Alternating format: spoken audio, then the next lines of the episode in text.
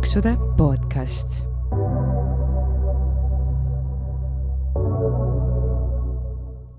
tere tulemast kuulama Paksude podcasti, milles me jagame teiega elu paksuna, kuidas ja miks me end paksuks sõime, kuidas me ülekaaluga võitleme ja mis on need suurimad mured ja rõõmud kogu selle teema ümber. no nii, Elina, millest me siis täna räägime või tänases episoodis? Tänases episoodis tuleb juttu meie mõlema kogemusest maovähendusoperatsioonil käimisest ja millest veel mm? -hmm. jah, see ongi nii, Elina, aga kuidas siis otsustasid minna maavähendusoperatsioonile? no põhimõtteliselt ma ikkagi terve elu olen võidelnud sellega äh, ülekaaluga siis ja ühel päeval augustikuus suvel kaks tuhat kakskümmend üks ma otsustasin, et kas nüüd või mitte kunagi ja olles nii spontaanne inimene, nagu ma olen, reaalselt paningi lihtsalt Google'isse otsingusse maavähendusoperatsioon ja sealt esimesena vaatas mulle vastu kaalukirurgia.ee. sinna lehele ma ka sisenesin, kust vaatas üks väga armas ja naeratav pilt Ilmar Kauriste ees. väga naeratav ja, ja kirjutasin neile ja sain tegelikult äh, üsna kiirelt ka vastuvõtule ja sealt see teekond algas. aga kuidas sina? nii, minu teekond siis hakkas juba kaks tuhat kolmteist aastal, kus ma siis mõtlesin, et võiksin proovida maavähendusoperatsiooni, aga perearst ei andnud nõusolekut, kuna ta ütles, et ma olen liiga noor veel selleks ning ma ei ole isegi veel lapsi sünnitanud. ma ei tea, mille jaoks see vajalik on või mitte, aga ju siis oli. just tahtsin öelda, et tegelikult äh, minu kogemus oli just selline, et öeldi, et vahet ei ole, et sa sünnitanud ei ole, sest et maavähendusoperatsioon mm -hmm. ei peaks ju tegelikult suures pildis mõjutama laste sünnitamist no ja vaata, seal vist peab aasta olema ikkagi vahet nagu operatsiooni ja nagu sünnitamise vahel. ja, ja seda küll. aga jah, ja siis äh, aastad möödusid, toona jäi see nagu projekt katki, ei läinud sinna. ja siis äh,, kuna ma olen nii palju neid äh, dieete ja asju teinud ja viimane kord, kui ma tegin seda doktor Martensoni dieeti, mis äh, põhimõtteliselt sõi mu sisikonna ära tänu sellele mul hakkasid probleemid äh, menstruatsiooniga, mul ei olnud esiteks üheksa kuud menstruatsiooni, mis pani mind väga muretsema. Ning ma läksin naistearsti juurde Tartusse. käisin naistearsti juures vist terve aasta, peaaegu iga nädal, kindlasti vist oli iga nädal, kui mitte üle nädala, käisin Tartus. Ja arst ei saanud aru, et nagu mis värk on, et kõik näitajad ja kõik on nagu korras ja hakkasingi tema juures käima mingi oktoobrist, järsku maikuus ta ütleb mulle, kuule, et aga ma ei tea enam, mida sinuga teha. ma mõtlesin, mis nüüd nagu, et mis asja, vaata, et kas ma polegi nagu samasugune naine nagu teised naised. ja siis ta ütleb, et äkki sa lähed proovid maavähendusoperatsiooni.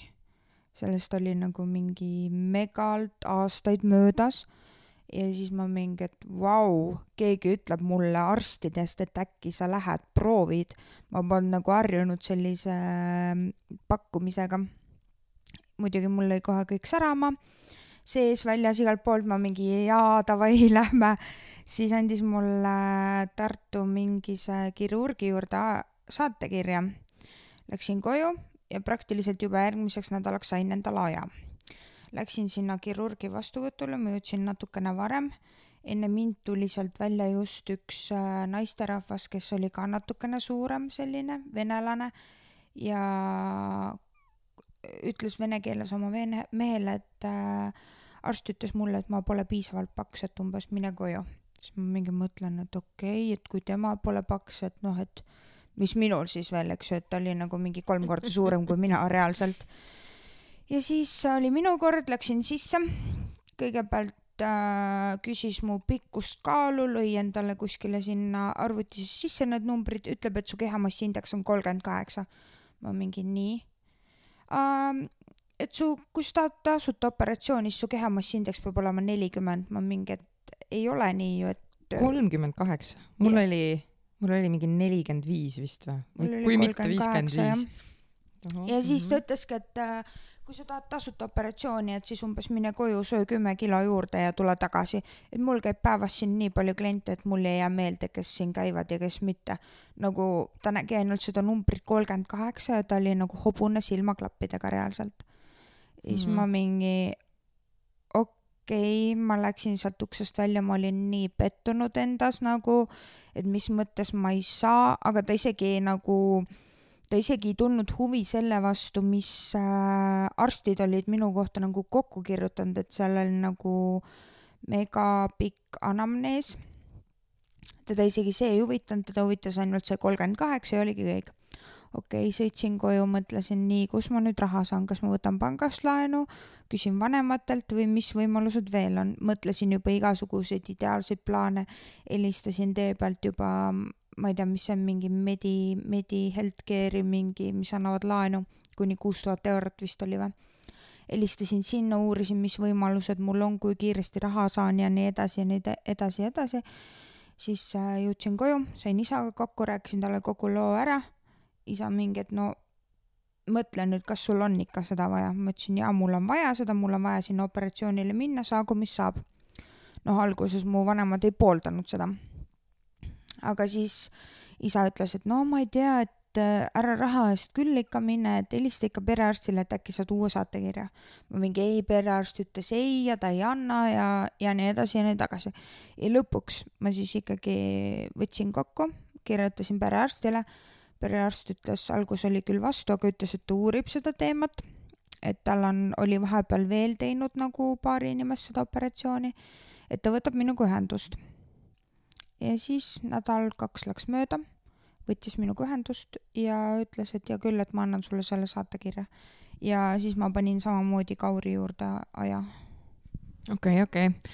minul ei olnud perearstiga mingeid sehkendusi, mina nagu ma ütlesin, lihtsalt panin Google'isse sisse ja läksin selle doktor Ilmar Kauri naeratava näo peale otse, otse sinna kaalukirurgiasse. seal ma muidugi küsisin Ilmar Kaurilt ka, et, äh, et kas saab ka tasuta või kuidas selle värgiga on, siis ta ütles küll jah, et kui on soovi oodata, et siis võib ennast panna mm, haigekassa järjekorda, aga et äh, mina käisin siis seal kaalukirurgia keskuses, eks ju, kohapeal, et seal ta ütles, et noh, et selle asutuse alt ikkagi tehakse tasulisi operatsioone, mille kasuks ma ka järgneva paari tunni jooksul pärast äh, konsultatsiooni otsustasin, ma ikkagi võtsin ka mõtlemisaega, kõik need kaks tundi. Väga pikk aeg. Aga siis äh, no tegin paar kõne elukaaslasele, emale, küsisin arvamusi ja siis me noh, ühiselt perekondlikult jõudsime otsusele, et davai, säästud, kõik äh, kopikad, sendid lähevad ikkagi selle äh, selle otsuse alla.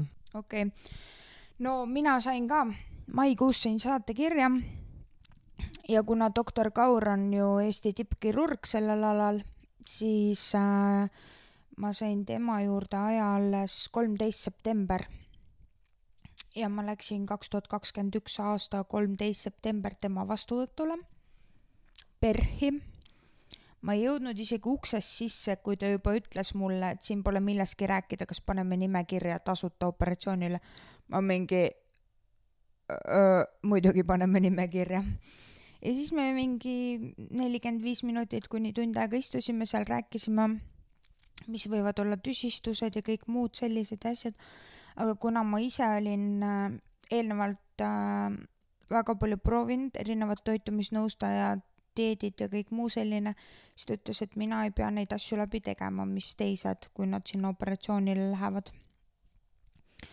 ja siis mul läks selles suhtes väga lihtsalt, ma ei pidanud ühtegi uuringut tegema, ma ei pidanud mitte midagi tegema, sest ma olin äh, viimase aasta jooksul kolm korda käinud gastroskoopias mm,. lisaks veel endoskoopia mm,. ja jah, vereanalüüsi andsin ka pidevalt ja nii see läks gastroskoopiast rääkides, see on, äh, see oli minu jaoks kõige-kõige suurem hirm, vaata et isegi suurem kui opilauale lebama minemine. kuidas sa üle elasid need mõõganeelamised? kohutav, esimest korda ma mäletan, ma käisin äh, Tallinna Keskhaiglas, mis siin kesklinnas on, seda tegemas ja see arst hakkas mulle seda mikroskoopi või noh, seda kaamerat sinna suhu toppima või kurku või kuhu iganes. ma lihtsalt tirisin selle käest ära ja siis nad hoidsid mind kinni nagu mingit hullu. ja ütlesid mulle, et kui ma umbes praegu ei tee, siis umbes miks ma üldse tulin, ma ütlesin, pange mind magama, palun, nad ei olnud nõus sellega.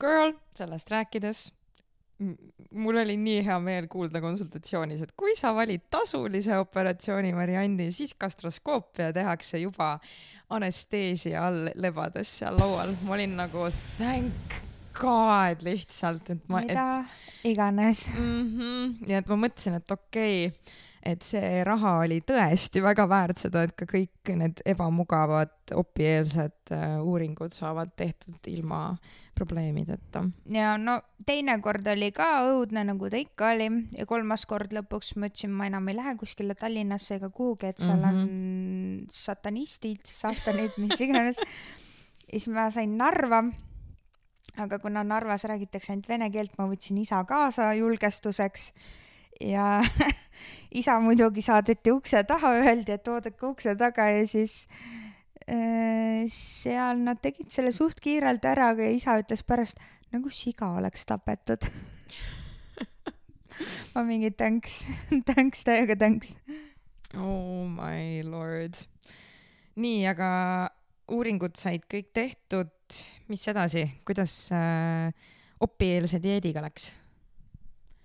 Ei no enne seda muidugi ma pidin ootama, ootejärjekord oli ka minul ju, kuna ma olin vaata tasuta operatsioonis, sa vist tasulisest said suht kohe või? mulle pakuti äh, vist isegi septembri algusesse, noh, mina ongi, oligi, ma käisin äh, konsultatsioonis augustikuu keskpaigas mm. -hmm. ja noh, sisuliselt kaks nädalat pärast konsultatsiooni oleks juba saanud operatsioonile minna, aga ma mingil põhjusel lükkasin seda edasi, arvatavasti töökohustuste tõttu, seega äh, septembrikuu lõpus, kahekümne teisel, siis no sisuliselt kuu aega, võib-olla vähem läks minul. ei, mul ikka läks kauem mm kolmteist september kaks tuhat kakskümmend üks käisin konsultatsioonis Kauri juures Äh, siis äh, kaks tuhat kakskümmend kaks aasta maikuus avastati mul see hormonaalne haigus, mis iganes, kuidas seda nimetada, haigus või mitte haigus. ja siis, siis mulle öeldi, et aa, et kirjuta oma selle maavähendusoperatsiooni arstile, et äkki saad varem vaata. et kuna sul on nüüd sihuke lisa nagu see, mis raskendab, raskendab kaalu alla võtmist. ja siis ma hakkasin nendega ühendust võtma seal kuna Kaur tollel ajal ehk siis kaks tuhat kakskümmend kaks aasta maikuus opereeris alles inimesi, kes olid käinud ta vastuvõtul kaks tuhat kakskümmend aasta septembris äh,, siis ma oleks tuimalt aasta aega veel oodanud seal ja ma mõtlesin, mina enam nagu noh, mul ei ole aega oodata. siis nad pakkusid mulle teist arsti, et teise arsti juurde saaks praktiliselt nii-öelda juba selle aasta lõpus ehk siis kaks tuhat kakskümmend kaks. ja siis ma ütlesin, et ma võtan veidikene mõtlemisaega. mõtlesin, arutlesin äh,, uurisin arsti tausta ja siis ma mingi kahe nädala pärast võtsin uuesti bariaatria õega ühendust ja ütlesin talle, et hea küll, et ma olen nõus arsti vahetama. siis ta mingi, et okei okay,, väga hea, et ma panen su siis doktor Miidla vastu või nagu operatsiooni järjekorda, eks ju. mingi okei okay aga kuna terve juulikuu operatsioone ei tehta, arstid puhkavad, siis augustikuus ma hakkasin neile uuesti kirjutama, et millal siis saab opile. ja siis niimoodi läks kuskil veel kolm-neli kuud, kuni ma siis lõpuks oktoobris sain teada, et ma lähen novembris operatsioonile, nii et kokku ma siis ootasin aasta ja kaks kuud. kui ma oleks Kauri juurde jäänud, Kauri järjekorda ma oleks vist kindlasti mingi kaks ja pool aastat kokku oodanud mm. -hmm jah, nii et omajagu aega võtab seal see värgendus. ja et siin on väga suur vahe ka, kas sa lähed tasulisse või ta- äh,, haigekassa rahastusse. jaa. aga kas me nüüd oleme jõudnud järjekorraga selleni, et rääkida äh, operatsioonieelsest äh, dieedikesest? jah. mis, mis see on üldse siis? See on see, kui äh, paks, kes tahab opile minna, peab äh, valgudieeti järgima.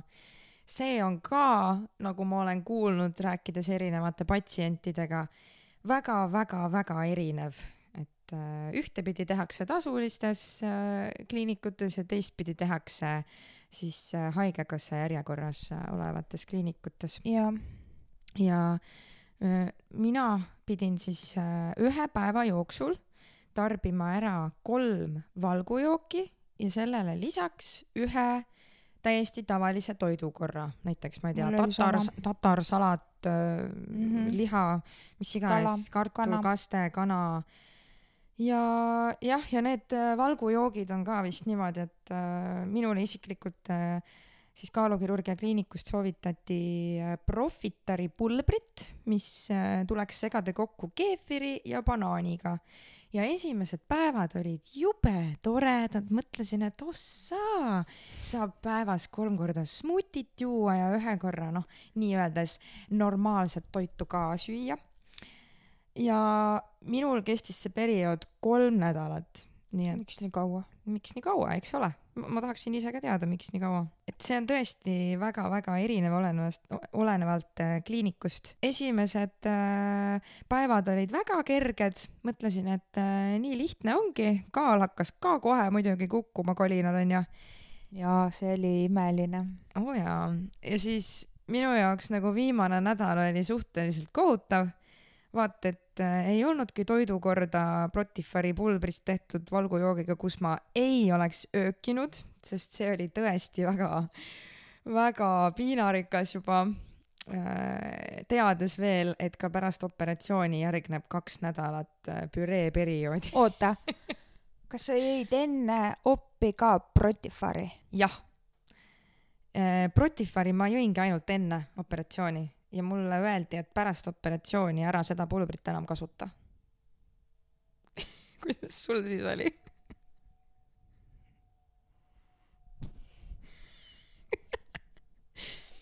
Ei, mul oli ikka niimoodi, et mulle öeldi, et käisin seal äh, septe-, kakskümmend kolm september, miks ma neid kuupäevasid nii hästi mäletan, kolmteist september on mu onu sünnipäev ja kakskümmend kolm september on mu tädi sünnipäev nii et siis kakskümmend kolm september ma läksin PERH-i bariaatria õe vastuvõtule, kus ma siis olin jumala excited, et oh, ma saangi operatsiooni kuupäeva teada ja kõik sellised asjad, eks ju. Läksin kohale ja siis ta ütles mulle, et aa, et täna me teeme sulle ainult EKG, võtame vereanalüüsid mm,, ostad trombivastased sukad ja lähed siis ostad endale opilseks dieediks valgujoogid, kuna siis äh, kaks nädalat enne op-, pidin jooma valgujooke. ja siis ma, minule soovitati seda Kubitani mm, -hmm. Kubitani valgujooke, siis ma ostsin mm -hmm. kolme erinevat šokolaadi, maasika ja vanilja oma. ja üks kord päevas siis sõin salatit, kus oligi siis salat, kurk, tomat äh,, panin kana kõrvale ja natukene tšillikastet ja muidugi ma läksin selleks kaheks nädalaks kodukontorisse, siis ma mõtlesin, et muidu ma nagu äh, annan ahvatlustele alla ja kuna tööl on kogu aeg mingid kommid, värgid, särgid mm. -hmm. kontor nänni täis. lihtsalt ei nagu pea vastu, et lihtsalt enda huvides läksin, et ma oleksin tubli, ma peaksin, suudaksin seda kõike handle ida, läksin koju. aga oota, ma vahepeal küsin, kui palju sina kaalusid enne opieelset dieeti? Ma opieelse dieediga võtsin kuus kilo alla äh, ja haiglas olin üks, kaks, kolm koma neli, sada kakskümmend kolm koma neli ehk enne opieelset dieeti ma olin napilt alla saja kolmekümne kilo mm,. okei okay., ma praegu vaatan enda notes'e, ma hakkasin opieelse dieediga pihta kakskümmend viis oktoober ja sellel hommikul ma kaalusin sada kakskümmend koma kolm kilo mm. -hmm. ja haiglasse läksin seitsmes november ja seitsmenda novembri hommikul ma kaalusin sada viisteist koma üheksa kilo. no laadna on. neli kilo kuskil mm. -hmm. võtsin selle kahenädalase valgudieediga alla. kas sa cheat isid ka või? mitte ühtegi grammi. Damn girl jah. Sest ma ikka cheat isin ka mm. -mm. ma mõtlesin, et millal siis veel, kui mitte praegu ja kui ma juba lähen sellele operatsioonile, siis nagu mis kasu sellest on, kui ma cheat in ja annan alla. noh, kuigi ma olen, sul olid väiksed äh, eelised ka, olles kodus luku taga Mm, seda küll jah ahvatlustest eemal. seda küll jah, aga ei, ma ei mitte grammigi cheat inud ja ja ma olen küll kuulnud tüdrukutelt jutte, kuidas äh, ah, mina ei tee seda opieelset dieeti ja see on mingi lamp asi ja mingi blablabla bla, bla. ja siis ma nagu mõtlen, kallikene, miks sa üldse sinna opile lähed, kui sa juba algusest peale teed kõik risti vastupidi põhimõtteliselt kaks aastat langeb sul kaal, kus opi mõju on ja pärast seda pead sa hakkama rämedalt ise hoidma seda kõike, et see kaal sul nagu stabiliseeruks, aga kui sa juba esimesel päeval annad alla, mida sa pärast kahte ja poolt aastat teed, siis sööd ennast samasuguseks veel suuremaks, kui sa ennem olid ju. jah, see on, see on väga nagu naelapea pihta teema, et äh, harjumuste loomine tegelikult algabki juba selle opieelse dieediga. no täpselt, mina mõtlengi, et nagu miks me üldse sinna opile lähemegi, ongi selleks, et midagi muuta enda elus, mitte see, et kohe algusest peale hakata mõtlema sellest, kuidas ma saan cheat ida. näiteks ülinaljakas, sorry, aga ma ei suuda selliseid asju nagu võtta, kui on öeldud, et äh, ära joo alkoholi mingi pool aastat või nagu gaasilisi jooke ja siis mingi eit, sorry, võta välja, mingi tšikk lihtsalt joob pärast oppi kaks nädalat, kaks-kolm nädalat pärast oppi hakkab Red Bulli jooma, siis nagu halloo, kus su mõistus on? ja ma ei tea. mis ei... kasu sellest nagu on, sellepärast gaasid ju teevad su mao suuremaks, noh, ikka mullitab ju. või? muidugi mullitab, aga jällegi noh, ma ei, noh, mina ei saa sellega sada prossa nõus olla, kuna mina äh, siiamaani tarbin gaasilisi jooke, küll mitte Red Bulli, aga, aga muid No, gaasilisi jooke jaa, aga ma mõtlen seda, et kui sa isegi kuu aega pole möödas, okei okay,, võib-olla kuu on möödas ja sa juba, sa ei suuda vastu panna, siis no millest me räägime?. ja, ja, ja, ja jah, jah, selles mõttes küll, et äh, kui ma hakkan enda peale mõtlema, siis äh, ma ikka hoidsin väga tagasi ennast, ma hoidsin lausa nii tagasi ennast, et ma ei söönud isegi osalisi tervislikke, tervislikuks nimetatud toite vaata et aasta aega. Üks nendest on näiteks tomat.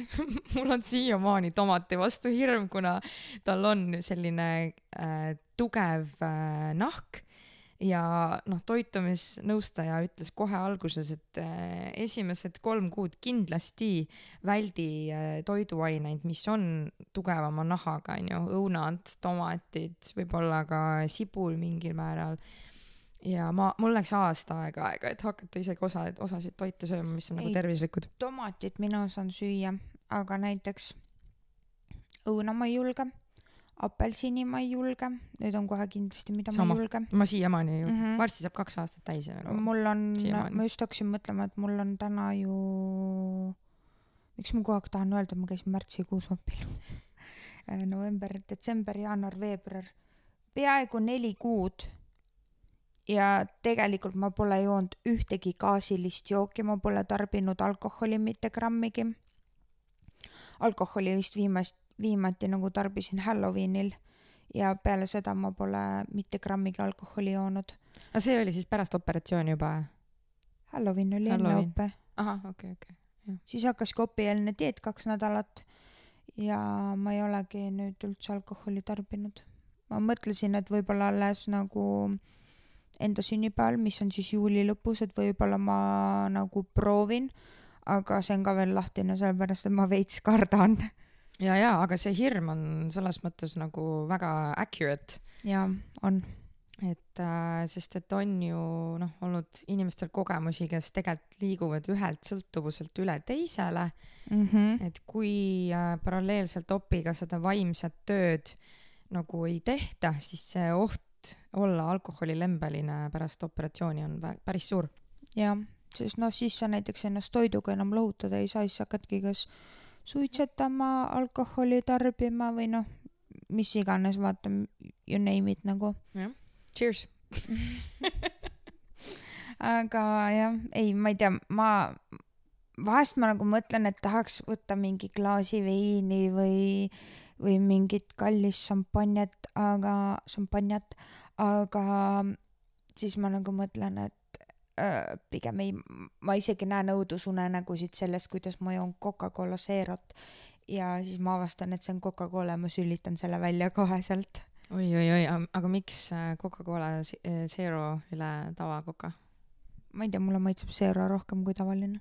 muuseas, Coca on üks jookidest, mis mul paneb kõhu valutama pärast operatsiooni ma olen kinos paar korda joonud Thanks, nüüd ma ei julge üldse seda juua ära joo mitte midagi, tõsiselt ka, mitte midagi. ei no minu Kokasid, esimene kinos käik peale operatsiooni oli nii, et ma ei julgenud isegi popkorni osta, ma ostsin endale need äh, mm, bacon snäkid. oi, aga Kalja, popkorn unusta ära seda ei saa üldse enam süüa pärast operatsiooni. saab küll, ma olen söönud. oled, mina ei ole siiamaani söönud. jaa, ma olen söönud sest et ma nagu mõtlen, et sellel on nii tahke ikkagi see mingi kest, vaata. ei, ma ei tea, sellega mul probleeme ei ole, see pole kinni jäänud no. aga makaronid küll on. sellega sa andsid mulle küll julgustust proovida popkorni ikkagi jõu-, ammu äh, tuntuks tehtud äh, dieedisnäkk ju mm, -hmm. et mhm. alati eelista popkorni mm -hmm. üle mhm. krõpsude või midagi. nii, aga kuidas me siis haiglasse läksime? no mina läksin mina läksin taksoga haiglasse.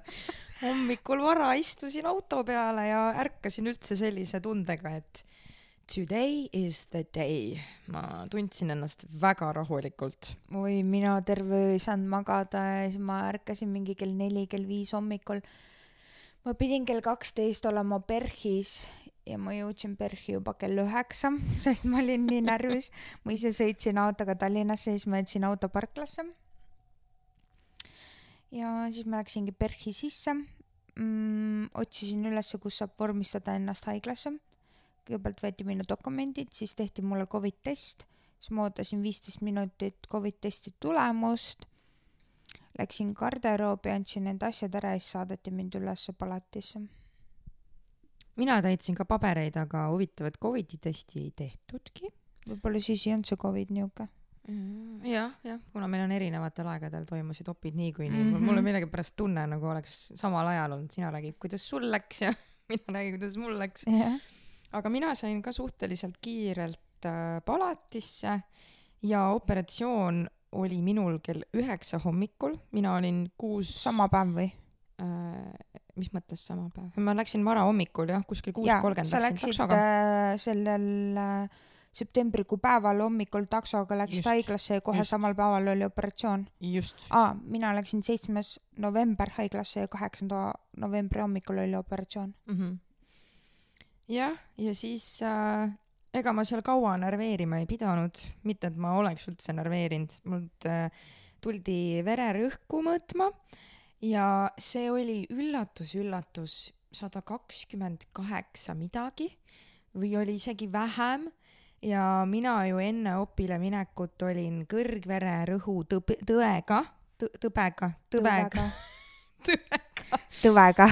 inimene ütlen kohe ära, et äh, tablettide võtmisest olen mina prii tänasel päeval, seega selle haiguse ravis äh, just nimelt see operatsioon äh, kaalu langetamisega mul terveks. Aga ma olin vanarahu ise, aga sellegipoolest öeldi, et võta rahustid sisse tuleb välja, et neid oli mul vaja ka. sest et äh, Viimsi Fertilitases äh, tuleb maondusoperatsioonile jalutada ise aa oh, jaa, ma käisin ükskord Fertilitases käeoperatsioonil ma pidin ise opisaali jalutama, nagu mida mm? -hmm, mul oli sama ja vaata, shit got real, shit got real. ma jõudsin sinna äh, opisaali ja siis küsitakse mult, et äh, palun äh, öelge oma täisnimi ja siis mina ütlen Elina Hokkanen. Äh, kuigi tegelikkuses ma olin siis juba abiellunud ja ma olin Elina Martinson ja vaata, kuidas närvid mängivad rolli, et mul isegi omaenda uus nimi meelde ei tulnud. kaua sa abiellus olid olnud? üle poole aasta. aa, okei aga igatahes siis parandasin ennast kiirelt ära, läksin sinna pikali ja oi, kuidas närvid lõid lappama niimoodi, et ma hakkasin nutma. kõik hakkavad ümber sinu ju sehkendama äh,. mult mm -hmm. palatis tegelikult mulle taheti kanüüli juba panna, et see oleks valmis ja oleks kõik sujuv no ei leitud Äh, neiu on siin selline, kellel ei ole veene lihtsalt, need jooksevad eest ära ja need on nii tillukesed ja blablabla bla, bla, bla. Nii et siis äh, hakati mind peksma üht, üks tädi ühte kätt, teine kädi teist kätt, seni kuni leidi. nii kui mask äh, ette pandi, olin mina lihtsalt lännu. kutu, ma tegin oma iluund seal, nii et äh, jah, kuidas sul see opisaali minek oli ja kõik? kohutav mm,. see oli siis kaheksanda novembri hommikul, ma olin esimene.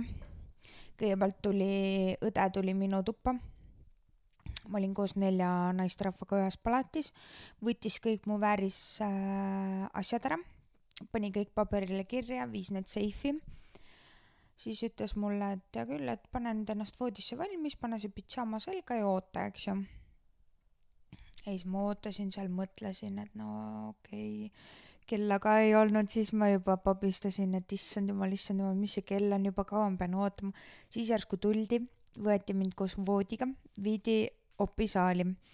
opisaal, enne opisaali tõsteti mind teise voodisse, viidi õigesse opisaali, noh nagu opi-opisaali. ja siis seal mul lõi sellise närvi sisse, et ma mõtlesin, et esiteks ma tahan ära joosta, teiseks ma tahan oksendada, kolmandaks ma tahan nutta, neljandaks ma tahan koju ja viiendaks mida iganes hakkliha ja mida iganes ja siis ma lihtsalt vaatasin, ma nägin, kuidas nad kõiki neid instrumente, kõike seal valmis panid. ja mul lihtsalt läks süda pahaks ja siis ma üritasin ennast nagu rahustada. Amalia, sa oled nii kaugele jõudnud, sa oled nii palju selleks teinud, sa oled nii palju selleks vaeva näinud, palun ole siin edasi, ära tõuse püsti, ära mine ära. mul oli reaalselt tahtmine, et ma tõusen püsti ja ma lähen ära ja siis mind ju pandi kuidagi naljakalt sinna, algus nagu pandi pikali, siis pärast pandi kuidagi mind istuvasse asendisse või midagi ja ma olin nagu, nagu meritäht, ainult jalad olid nagu sirgelt, aga käed olid laiali või nagu Jeesus umbes risti löödud mm. -hmm. ja istuvas asendis. jah, istuvas asendis mitte päris selg sirge, aga natukene kaldu, aga noh, niimoodi istuvas asendis ja, ja siis ma nagu mõtlesin, et okei okay,, et nagu jube kahtlane, vaata. ja siis juba tahtsin jälle ära joosta sealt, mul oli kogu aeg see, et ma tõusen püsti ja ma lähen minema, ma ütlen ei nagu kõik, et ma ei tee seda, vaata. ja siis õnneks pandi mulle mask ette ja siis äh, oli kõik, aga ma nägin terve opi, nägin mingeid unenägusid, et ma pidin äh, sõbranna juurde minema Ameerikasse külla, aga millegipärast ma olin Pariisi sattunud Jesus Christ. ma olin sattunud Pariisi, siis ma olin nii pettunud, et ma olin Ameerika asemel Pariisi sattunud. kuidas sa saad Pariisi sattudes olla pettunud? ma ei tea. ja siis ma ütlesin ja ma mäletan, et ma ütlesin nendele arstidele, et ma ei saa aru, kas ma olen taevas või ma olen maa peal. seda ma tean, et ma neile ütlesin. ja järgmine hetk oli, ärkasin ärkamistoas okei okay,, sa siis käisid seiklemas? ma käisin seiklemas. no mina olin täiesti out, ma olin täiesti audis ja, ja ärkasin ka äh, siis, mis, mis on siis nüüd opi järgne palat või mis? jah, opi, ta öö, öö, väga hea mm,. ei tea, ei no, tule mingi, meelde. noh, mingi ühesõnaga mingi taast-, opi järgi, opi järgsesse taastumisruumi. ärkamispalat. ärk-, ärkamispalat, just. äkki midagi sellist. äkki on midagi sellist, aga ärkasin seal selle peale, kui üks äh, õde ütles, et davai, keera nüüd, äh, keera külili, keera külili. ja siis ma mõtlesin, mis asja, et nagu nii mõnus uni oli esiteks ja, ja et miks mind siis nüüd praegu üle saetakse. ei, mul ei olnud üldse nii. jah, minul oli ja aeti üles ja öeldi, et pissile, mine nüüd pissile, mine ruttu pissile ja, ja siis ma üritasingi minna, aga oi, kuidas mul pea käis ringi, ma olin ikkagi väga, vabandust, ma ei tea nüüd seda sõna eesti keeles, aga disoriented, et ma olin ikkagi noh, mul ikka pea käis ringi, ma ei saanud aru suurt, kus mm -hmm. ma mhm. olen või mis ma, mis ma siin teen, aga pissile ma sain ja miks sa pidid pissile minema ma ei tea, võib-olla see oligi see, et, et hakka nüüd vaikselt toibuma, võib-olla ma olin Aa. seal maganud vaata juba nii kaua. et hakka vaikselt toibuma ja, ja läheme siis palatisse, nii et pissil käisin ära, paluti mul paar lonksu vett juua, mida ma ka kenasti teha sain, esimesed lonksud läksid ilusti alla, paha ei hakanud ja mingeid valusid mul ka ei olnud ja, ja siis niimoodi mind talutati vaikselt enda, enda palatisse siis ja seal ma jäin uuesti magama mm. -mm. mul oli niimoodi, et äh, ma tegin silmad lahti, ma ei saanud aru, kus ma olen ja siis mingi tädi patsutas mulle nagu siia äh, tuharatest ülespoole, et kõik on hästi ja kuidas sa ennast tunned ja kas pea käib ringi ja nii edasi, nii tagasi, siis ma mingi ei, mul on kõik hästi vist, kurk valutab sellepärast, et nad olid vist kurgust midagi kurku pannud või noh, jumal teab mis. no selle anesteesia toru ju.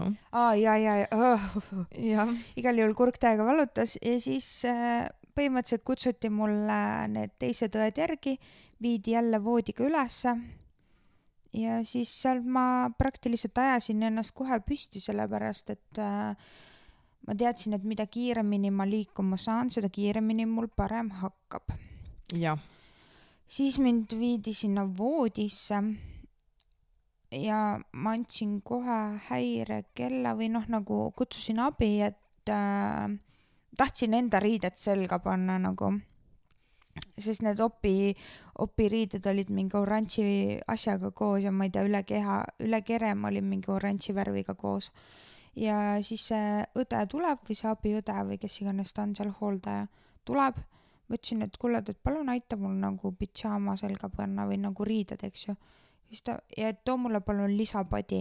ja siis ta mingi, okei okay,, ma lähen toon padja ja siis ma aitan sind ja siis, kuna meie ukse taga oli see õdede, õdede istumiskoht või laud või noh, mingi administraator, mis iganes, siis äh, siis äh, kuulsin, kuidas ta ütles, et kas Saare hakkab koju minema või? nüüd mingi ei, ta just tuli Opelt siis ma mingi ise mõtlen, siis mõtlen nagu kui loll saab olla, vaata. siis ta tuleb tagasi, ma ütlesin talle, et nagu ma ei taha koju minna, ma tahan lihtsalt enda riided selga panna, et mul oleks mugavam. aga jah. Saare tahab koju minna. jah. Ja siis teine asi oli see, et seal voodis oli lohk täpselt niimoodi, et kui külili keerasid, see lohk jäi kõhu alla mm. -hmm. et see kõht nagu tahtis sinna lohu sisse vajuda ja siis oli nii ebamugav. ja siis selle jaoks ma küsisin nagu eraldi patja, et sinna lohku panna see padja, et mul oleks vähe, vähe natukenegi mugavam, aga ma ei saanud magada ega mitte midagi teha, sellepärast et nagu mul oli kuidagi nii nagu ränk olla. aga ma hakkasin mm -hmm. suht kohe kõndima ja mina ka, et siis, kui mind sinna enda palatisse pärast narkoosist ärkamist talutati, siis ma väga pikaks sinna voodisse lebama ei jäänud tegelikult mm. -hmm et äh, vastasin oma, omadele äh, telefonis. oi, ma ei jaksanud üldse kellegagi suhelda mm.. ma, ma ei suutnud isegi telefoni käes hoida, mul oli niisugune tunne, nagu mu käed oleksid makaronist mm.. no sind siis tõmbas see anesteesia ikka väga läbi. jaa, korralikult aga jah, mina üritasin tunn, tunnis korra püsti tõusta, käisin koridori peal natukene jalutamas ja siis jälle pikali ja siis jälle püsti. ja, ja niimoodi seni, kuni saabus õhtu. Nad vaatasid mulle, et ma olen jube aktiivne, siis nad tõid mulle selle käimistoe, et mul oleks natukene mugavam äh, liigelda seal äh, koridori peal ja siis ikkagi oli valus, aga noh sellega oli palju mugavam kui ilma toeta käia. valudest rääkides, minul ei valutanud mitte midagi, mis on väga veider, ma korra isegi kahtlesin, et kas midagi ikka üldse tehti või on niisama pandud plaastrid kõhu peale ähm,. valudest ma jah, suuremas osas pääsesin. See on nii kahtlane, sellepärast et nagu kõigiga, kellega ma olen rääkinud, kellel on kaal olnud suurem kui minul kõigil on selline tunne, nagu neil poleks oppi olnud. ja siis olen mina, külmavärinad, kõht valutab, krooksud, gaasid, kõik, mis vähegi sai, peavalu, kõik asjad, ajas oksele, iiveldas, ma ei tea, no täielik tivolituur lihtsalt. ja siis sina kõrval mingi, kas mul üldse tehti midagi või? kus on, kus on nagu õiglus? kus on õiglus siin maal, jah? mis ma tundsin, oli küll see, et kõht on imelikult pinges ja nagu natuke nagu punnitab vaata välja. vot see oli ebamugav ja see, et äh, ei olnud äh, jõudu ikkagi, et ma mingi vahe, noh, ma ütlesin õhtul, õhtuks ma sain tegelikult päris hästi juba jalad alla. Helistasin oma abikaasale mingi seitsme-kaheksa paiku õhtul äkki ja äh, koridori peal siis jalutasin, natukene seisin ja ma olin temaga rääkinud kuskil viis, viis-kuus minutit, kuni ma tundsin, et mul hakkab vaikselt sihuke higi otsa ette nagu tekkima ja süda mm -hmm. natukene peksma, et selles suhtes, et see väsimus lõi ikkagi väga-väga kiirelt välja mm. -hmm. et mhm. see on nagu ainus selline ebamugavus, mis ma tundsin.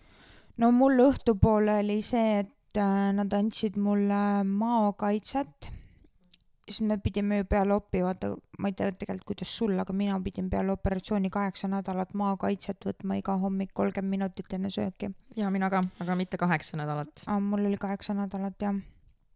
ja esimese sain juba seal äh,. ja ma võtsin selle pool tableti sisse.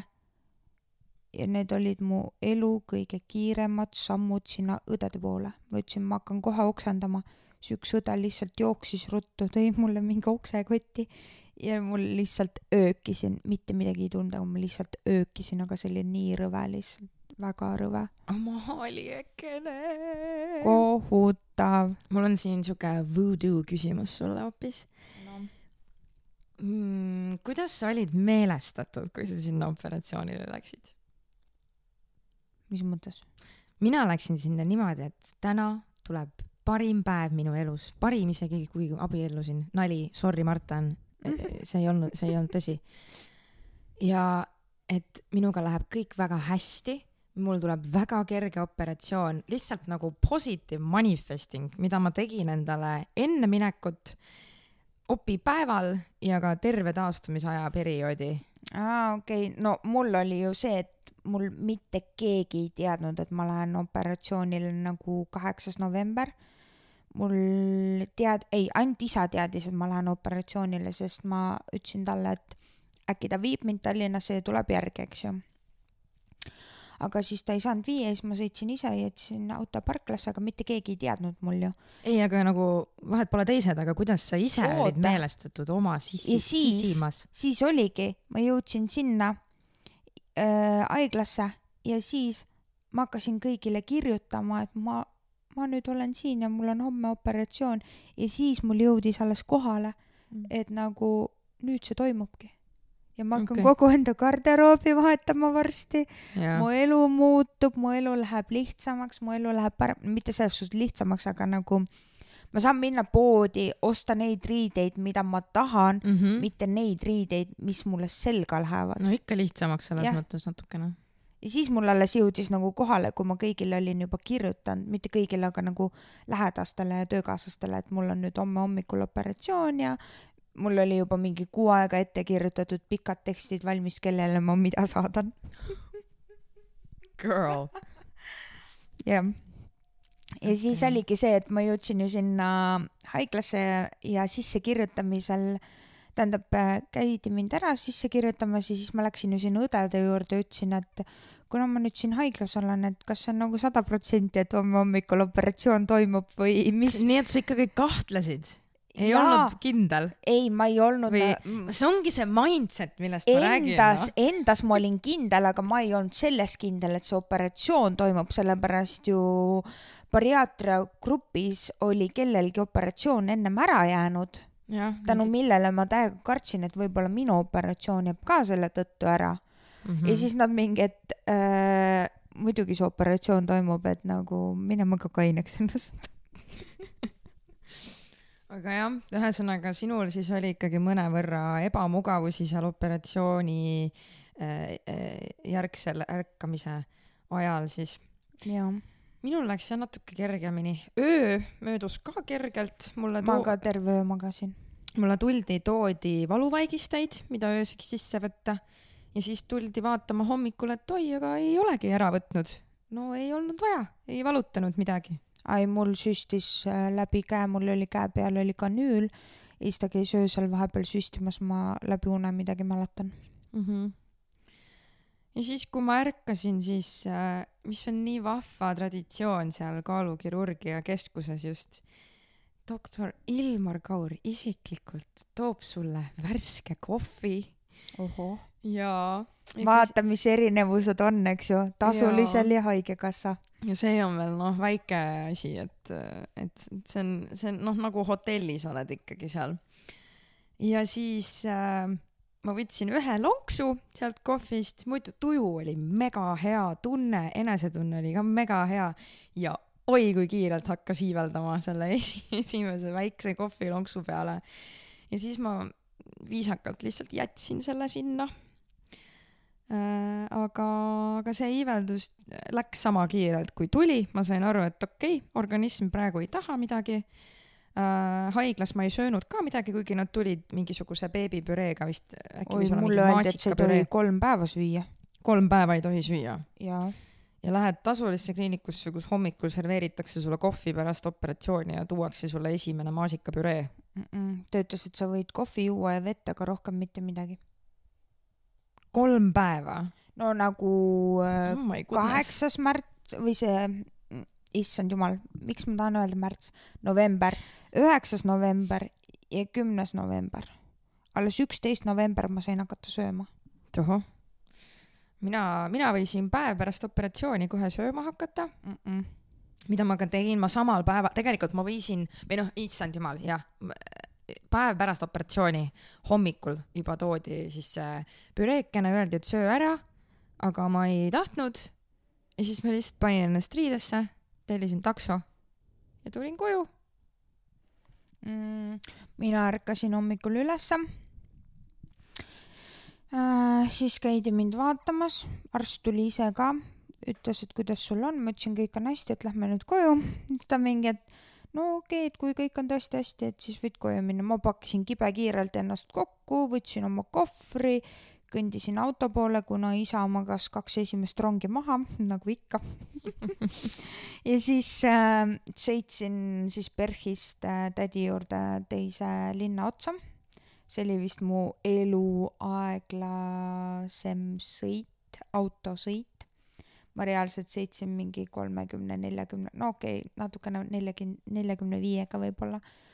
sest ma tundsin, ma olen esiteks veits uimane, teiseks ma ei olnud nagu kindel, et kas ma ikkagi nagu võiksin sõita. aga ma jõudsin õnnelikult sihtpunkti. siis tädi juures ma jõingi esimese kohvi. ma olin mingi paar tundi seal ja siis ma sõitsin äh, põhimõtteliselt laagrist või noh, Sakust ise Ülemiste keskusesse, sest isa lõpuks tuli Ülemistesse. ja siis me läksime, me läksime Ülemiste keskusesse jalutama ja ma kõndisin reaalselt käru najal, sest ma ei saanud kuidagi muud moodi kõndida. no mida hullu mutti noh.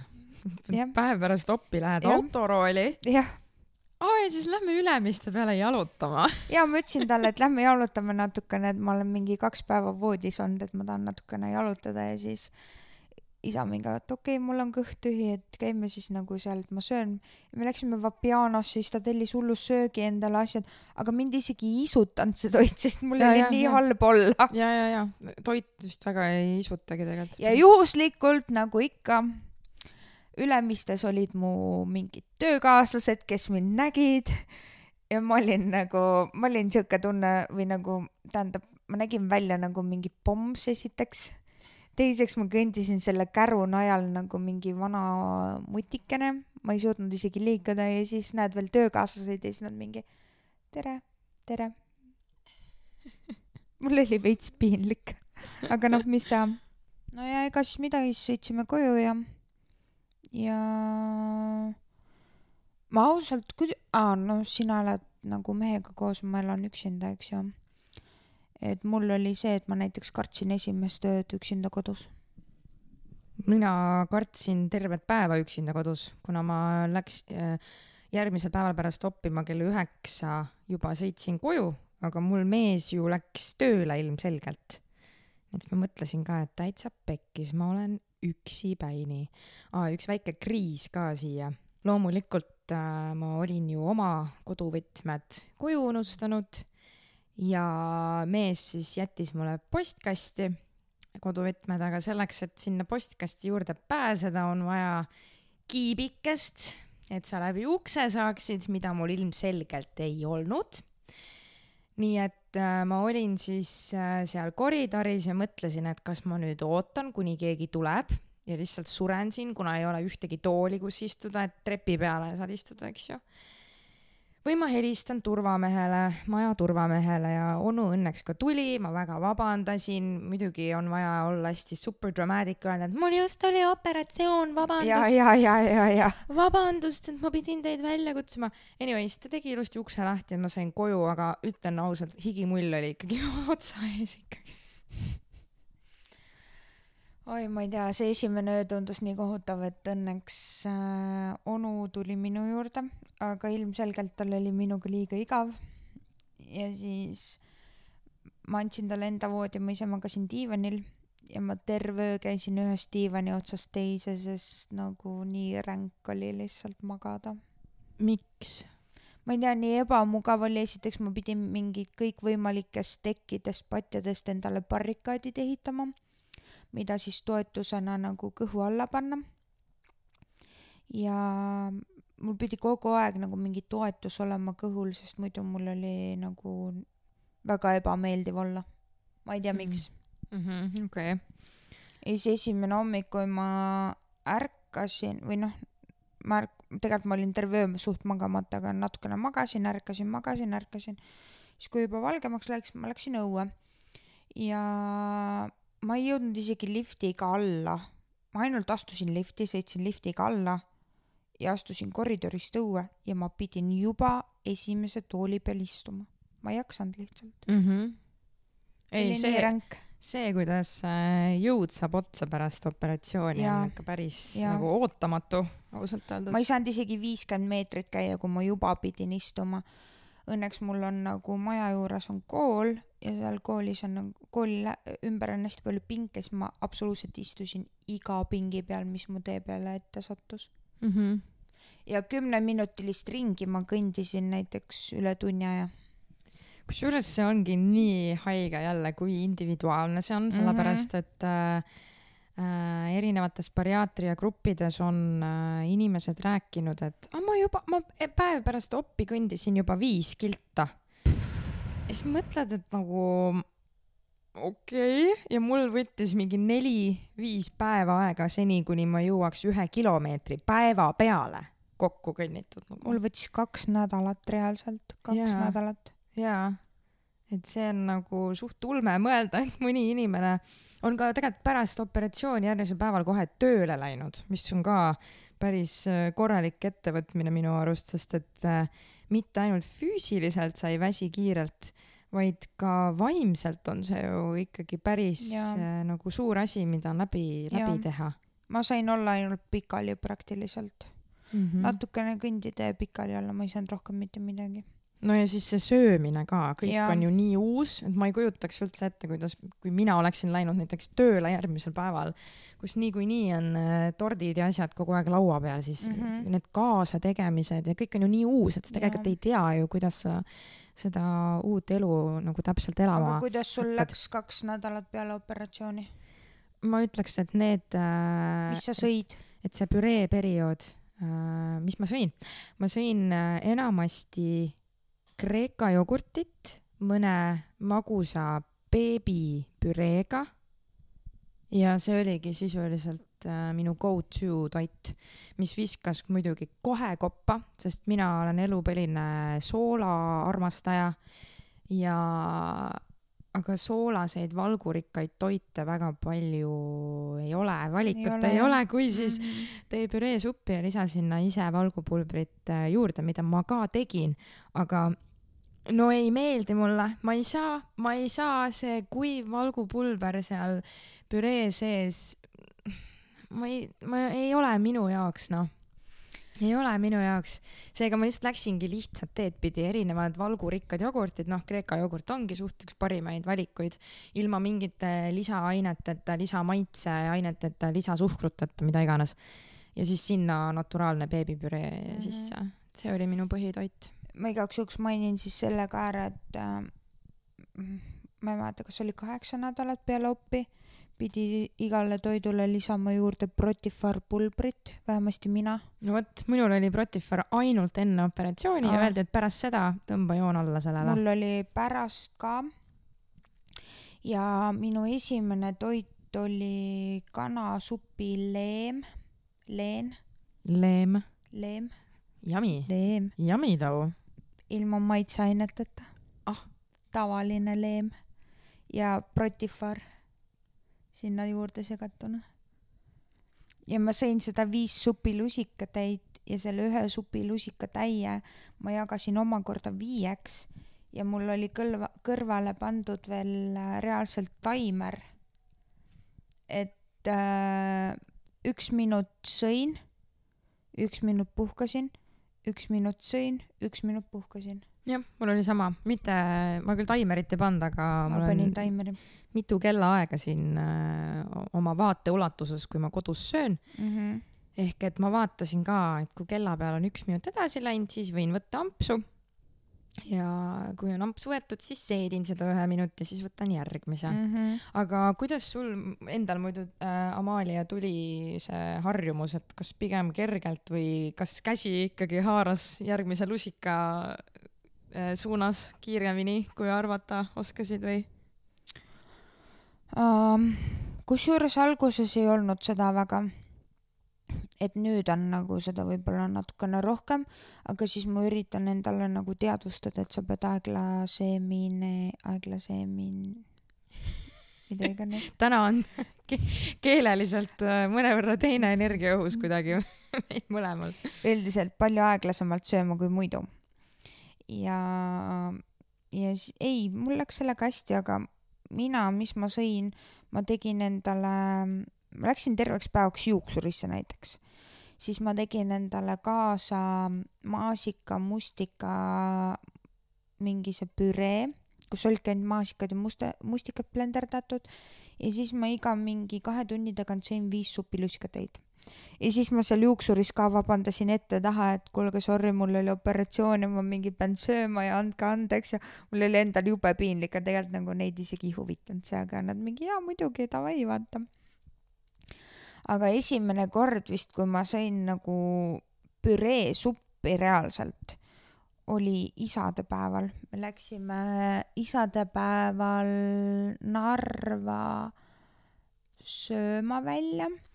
Esimeses toidukohas ei olnud mitte midagi süüa, mis ma süüa oleks saanud, siis ma tellisin endale tomatimahla ja ma sõin seda supilusikaga. samal ajal kui äh, ema isa sõid karpe, mingeid äh, neid äh,, mis see oranž kartul on, bataat või? bataati, Mm -hmm. avokaadot, kõike sellist, siis ma mingi kõrval sõin supilusikaga tomatimahla. ja siis, kuna ma ei saanud ju mitte midagi süüa, eks ju, ja mul oli kaasa võetud Kreeka jogurt, siis äh, me läksime teise söögikohta, kus nemad siis sõid Pavlova kooki ja mingeid selliseid asju ja siis ma sealt, sealt siis sain tellida endale äh, kõrvitsapüreesuppi, mis ma lasin teha ilma maitseaineid lisamata ja üldse ilma lisadeta. siis nad mingi okei okay,, me teeme nagu, Mm -hmm. aga ja see oli esimene kord, kui ma sain süüa nagu, nagu suppi. Mhm. okei, okei, okei. Mm. minul, üldse nagu see sünnipäevadel ja muudel üritustel käimine oligi see, et ma saingi süüa ainult suppi, mitte midagi rohkemat. nojah, esimesed kaks nädalat, ega sul muud varianti ei olegi. ei, esimesed kaks nädalat ma ei söönud mitte midagi. oota, mis mõttes? nagu selles suhtes ma sõingi ainult seda supilee, leemt ikka ah, full vedelikku? jaa, ainult vedelikku. Mis asja, kusjuures ma mu just. hambad ei teadnud isegi, mis on enam söömine. ei, seda jaa, seda no., seda täiega, aga vaata, see ongi huvitav, sest et äh, kui ma olen äh, välismeediast uurinud, siis äh, näiteks Ameerika Ühendriikides on ka tavaks see, et pärast operatsiooni esimesed kaks nädalat on ainult vedel ja siis järgnevad kaks nädalat on püree mm Mhm. -hmm. ja siis, kui on kuu aega möödas, siis sa võid vaikselt tava toidu peale nagu üle minna, aga pigem mm Mhm. -hmm. ka pehmematele mm. Mhm. -hmm. aga nii oligi. mina hakkasin püreed sööma kohe esimesel päeval pärast mm Mhm. -hmm. operatsiooni, mida ma tegin kaks nädalat ja pärast seda juba läksin pehmele toidule üle. Mhm. ma sõin äh, püreed sõingi esimest korda isadepäeval no vot, jälle missugune erinevus on ju mm. -hmm. see oligi nädal või kaks pärast operat-, kaks nädalat pärast operatsiooni, jah. Okei okay., sest mina, mina sõin suppi ja mina sõin noh, sedasama Kreeka mm -hmm. jogurtit, püre äh,, püre, noh, jah, kodujuustu püreestasin, äh, putru püreestasin, et need neli olid minu põhilised äh, äh, opijärgsed toidud äh, järgneva kahe nädala jooksul siis pärast äh, mm -hmm. operatsiooni. kui ma korra valudest räägin, onju, siis noh, mina olin see the lucky one, kes väga ei. kõiges äh,. kõiges või? ära ütle, ära ütle, ära uh, uh. pikk elu on ees, ma ei taha ei taha mõelda millelegi halvale. aga äh, korra, kui ma peatun äh, valude teemal, siis kolmandal päeval pärast vabadusoperatsiooni mul tekkisid mingisugused torked vasakule poole ja siis muidugi läks kohe paanika lahti, eks ju, mingi tund aega mõtlesin, et kas ma helistan doktor Kaurile või ma ei helista või ma helistan või ei, tal on ka kindlasti ülikiire ja siis ma mingi lollakas kolm päeva pärast oppi virisin kõhuvalude üle, onju, et see on ju nii ilmselge, nagu sa käisid operatsioonil mm, -hmm. et ilmselgelt see midagi valutab. nii et äh, ikkagi helistasin paanikas äh, doktor Ilmar Kaurile ja tema ütles mulle täpselt sama, mida ma olin mõelnud. Elina te tulite operatsioonilt kolm päeva tagasi. see on normaalne, et teil on kuskil mingid valud mm. -hmm. head päeva nii et äh, jah, aga siis ma võtsin lihtsalt valuvaigisti sisse, mida ta oli soovitanud ja, ja see läks ka kohe üle. kusjuures ja... kodus ma ei mäleta, et mul oleks niimoodi valutanud niimoodi, et ma oleks pidanud võtma valuvaigistit.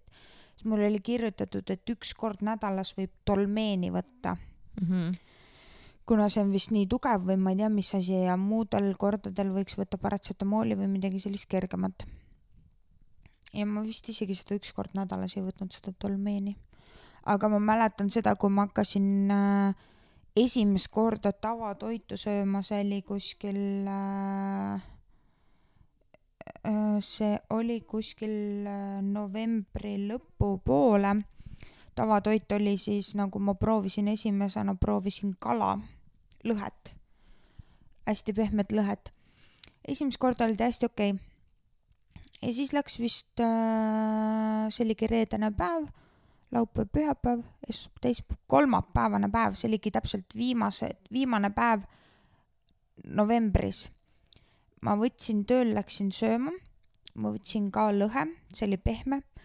ma sõin seda lõhe, lõhet ja järgmine hetk ma lõpetasin äh, EMO-s. jep, lõpetasin EMO-s ja see oli niimoodi, et äh, ma ei jõudnud, ma tundsin, et kuidagi õhku jäi väheseks, kuidagi imelik oli olla.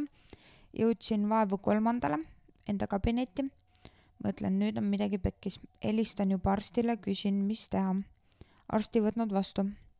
siis läksin lihtsalt vetsu, hakkasin tuimalt näppe toppima kurku ja mitte midagi ju välja ei tule, vaata, sa ei saa ju enam oksendada niimoodi mm -hmm. selliselt.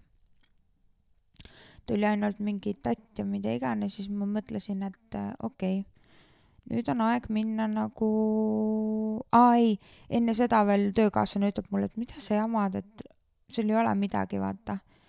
ja siis ma mingi helistasin talle, et palun tule kohe WC-sse, et ta tuli WC-sse, siis ta sai aru, kui reaalne see kõik on ja kui hull tegelikult mul oli see, et ma hakkasin reaalselt lämbuma. ja, ja siis kuidagi läks korraks paremaks, ma ütlesin, et hea küll, ma lähen EMO-sse, see ei olnud isegi, kell ei olnud kaksteist päeval, ma jõudsin vaevu majast välja parklasse, kui ma autoparklas pidin uuesti näpud kurku toppima, sest mul oli nii halb olla ja jälle lõi hinge kinni, et ma ei saanud üldse hingata siis okei okay,, sain kuidagi autorooli istutud, sain EMO-sse sõidetud. istusin seal EMO-s, esiteks see EMO arst ei saanud aru, mis mul viga on. siis ma ütlesin talle mitu korda, et kas te saate aru, et ma olen käinud nagu maavähendusoperatsioonil, et äh, see on, see ei ole nagu mingi tavaline käeoperatsioon või mida iganes, eks ju. ah, kõik operatsioonid on ju hullud. ei, nende jaoks ei olnud see ja ja siis noh, see on pikem teema, mille kohta ma olen kirjutanud ka enda blogis ja siis lõpuks tuleb mingi arst, kutsub mind enda juurde, ütleb, et kas te ei teadnudki, et teie uus elu hakkab selline olema või, et see on normaalne. ma mingi kohe kindlasti see ei ole normaalne, et ma hakkan lämbuma. aga ta üritas mulle sisendada seda, et kõik on normaalne ja, ja ma ei peaks muretsema ja koju minema ja ta tegigi mulle vereanalüüsi, uriiniproovi ja saatis mu koju see on vist suht sihuke klassika, mis EMO-s tehakse, kui sa mingi probleemiga no, sinna pöördud. ma arvan, et kui ma oleks Tartusse või Tallinnasse läinud, oleks teine suhtumine olnud kui Ida-Viru Keskhaiglas mm., kahjuks. mitte üldse midagi Ida-Viru Keskhaigla vastu, aga lihtsalt no minu, mina olen ka ühe korra pidanud käima EMO-s pärast maavähendusoperatsiooni ja see oli kusjuures täpselt aasta aega pärast äh, oppi. Ehk kakskümmend kaks september kaks tuhat kakskümmend kaks, kus ma mõtlesin, et oi, mul tuleb superpäev, ma hakkan täiega tähistama, sest mul on aasta aega operatsioonist möödas, onju, ja see on nii suur sündmus, kuna elu algas ju uuesti, aga ei, läksin EMO-sse mingite tohutute kõhukrampide tõttu. ja mida kõhukrampide puhul tehakse, kuhu sind saadetakse, kui sa oled naisterahvas? loomulikult naistekliinikusse, kus ma kõhukrampide puhul mm? -hmm. no kõhukrambid olid alakõhus, mis on ju ilmselge, milles võib probleem olla. Anyways, seal ma lihtsalt passisin ja piinlesin ja need kõhukrambid olid, ma ütleks tõesti, valu oli nagu üheksa pool kümnest, nagu ilma naljata, ma olin kodupõrandal kägaras, nutsin, sest mul oli nii valus. ja loomulikult naistearsti juures tehti kõik selgeks, kõik on korras, mitte midagi pole häda. ja selleks ajaks mul olid ka krambid üle läinud, nii et äh, mul ei ole aimugi, millest need olla võisid. ja ma väga loodan, et ma ei pea neid enam kunagi kogema, aga ma olen ju kõva guugeldaja kurat, ja peale selle ma olen ikkagi arst ka ju ise doktor Elina Martenson. et ma arvan, et asi võis olla äkki mingites kivides, mis mulle on kaalulangusega tekkinud mm,. Need sapikivid või? sapikivid, neerukivid, mis iganes kivid mm. need võivad olla, et, äh, et ne, vot neid ma, nende olemasolu ma ei ole kontrollima läinud, aga see mm. ilmselt noh, järgmise signaali peale oleks minu järgmine samm. vot EMO-des käidud ja mm -hmm. abi pole otseselt saanud, ei tea tegelikult, mis on toimunud. aga korra ma tahaks peatuda veel sellel teemal ka, et kuidas oli vaimselt taastumine pärast operatsiooni. nagu Amalia siin korraks mainis, siis äh,. eelmises episoodis. ei, kusjuures selles samas episoodis, et äh, hammastel ei olnud enam ammu otstarvet ju pärast Aa. oppi siis äh, ma mäletan nii hästi seda äh, taastumise perioodi, kus mul mees ju sööb kodus, teeb omale süüa mm, -hmm. pelmeenid, võileivad, anything mm -hmm. ja mina kui suur soolasõber söön oma kuradi Kreeka jogurtit oma maasikapüreedega käisin nuusutamas oma mehe toitu. Kogu aeg.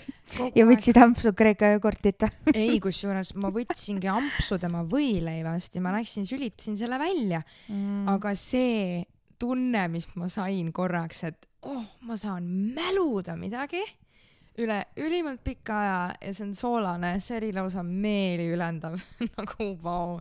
aga muidu äh, mul oli väga palju nutmist, väga palju nutmist aga seda mulle ka doktor Kaur ütles, et äh, hormoonid on täiesti krussis pärast mm -hmm. äh, seda operatsiooni ja ilmselt ka sellist äh, tugevat emotsionaalset kõikumist võib ka eeldada.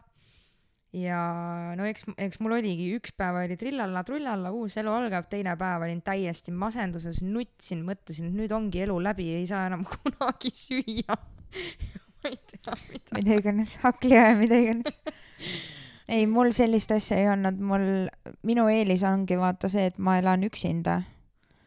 ja see kodukontor ja kõik see, et nagu see andis väga palju mulle kaasa.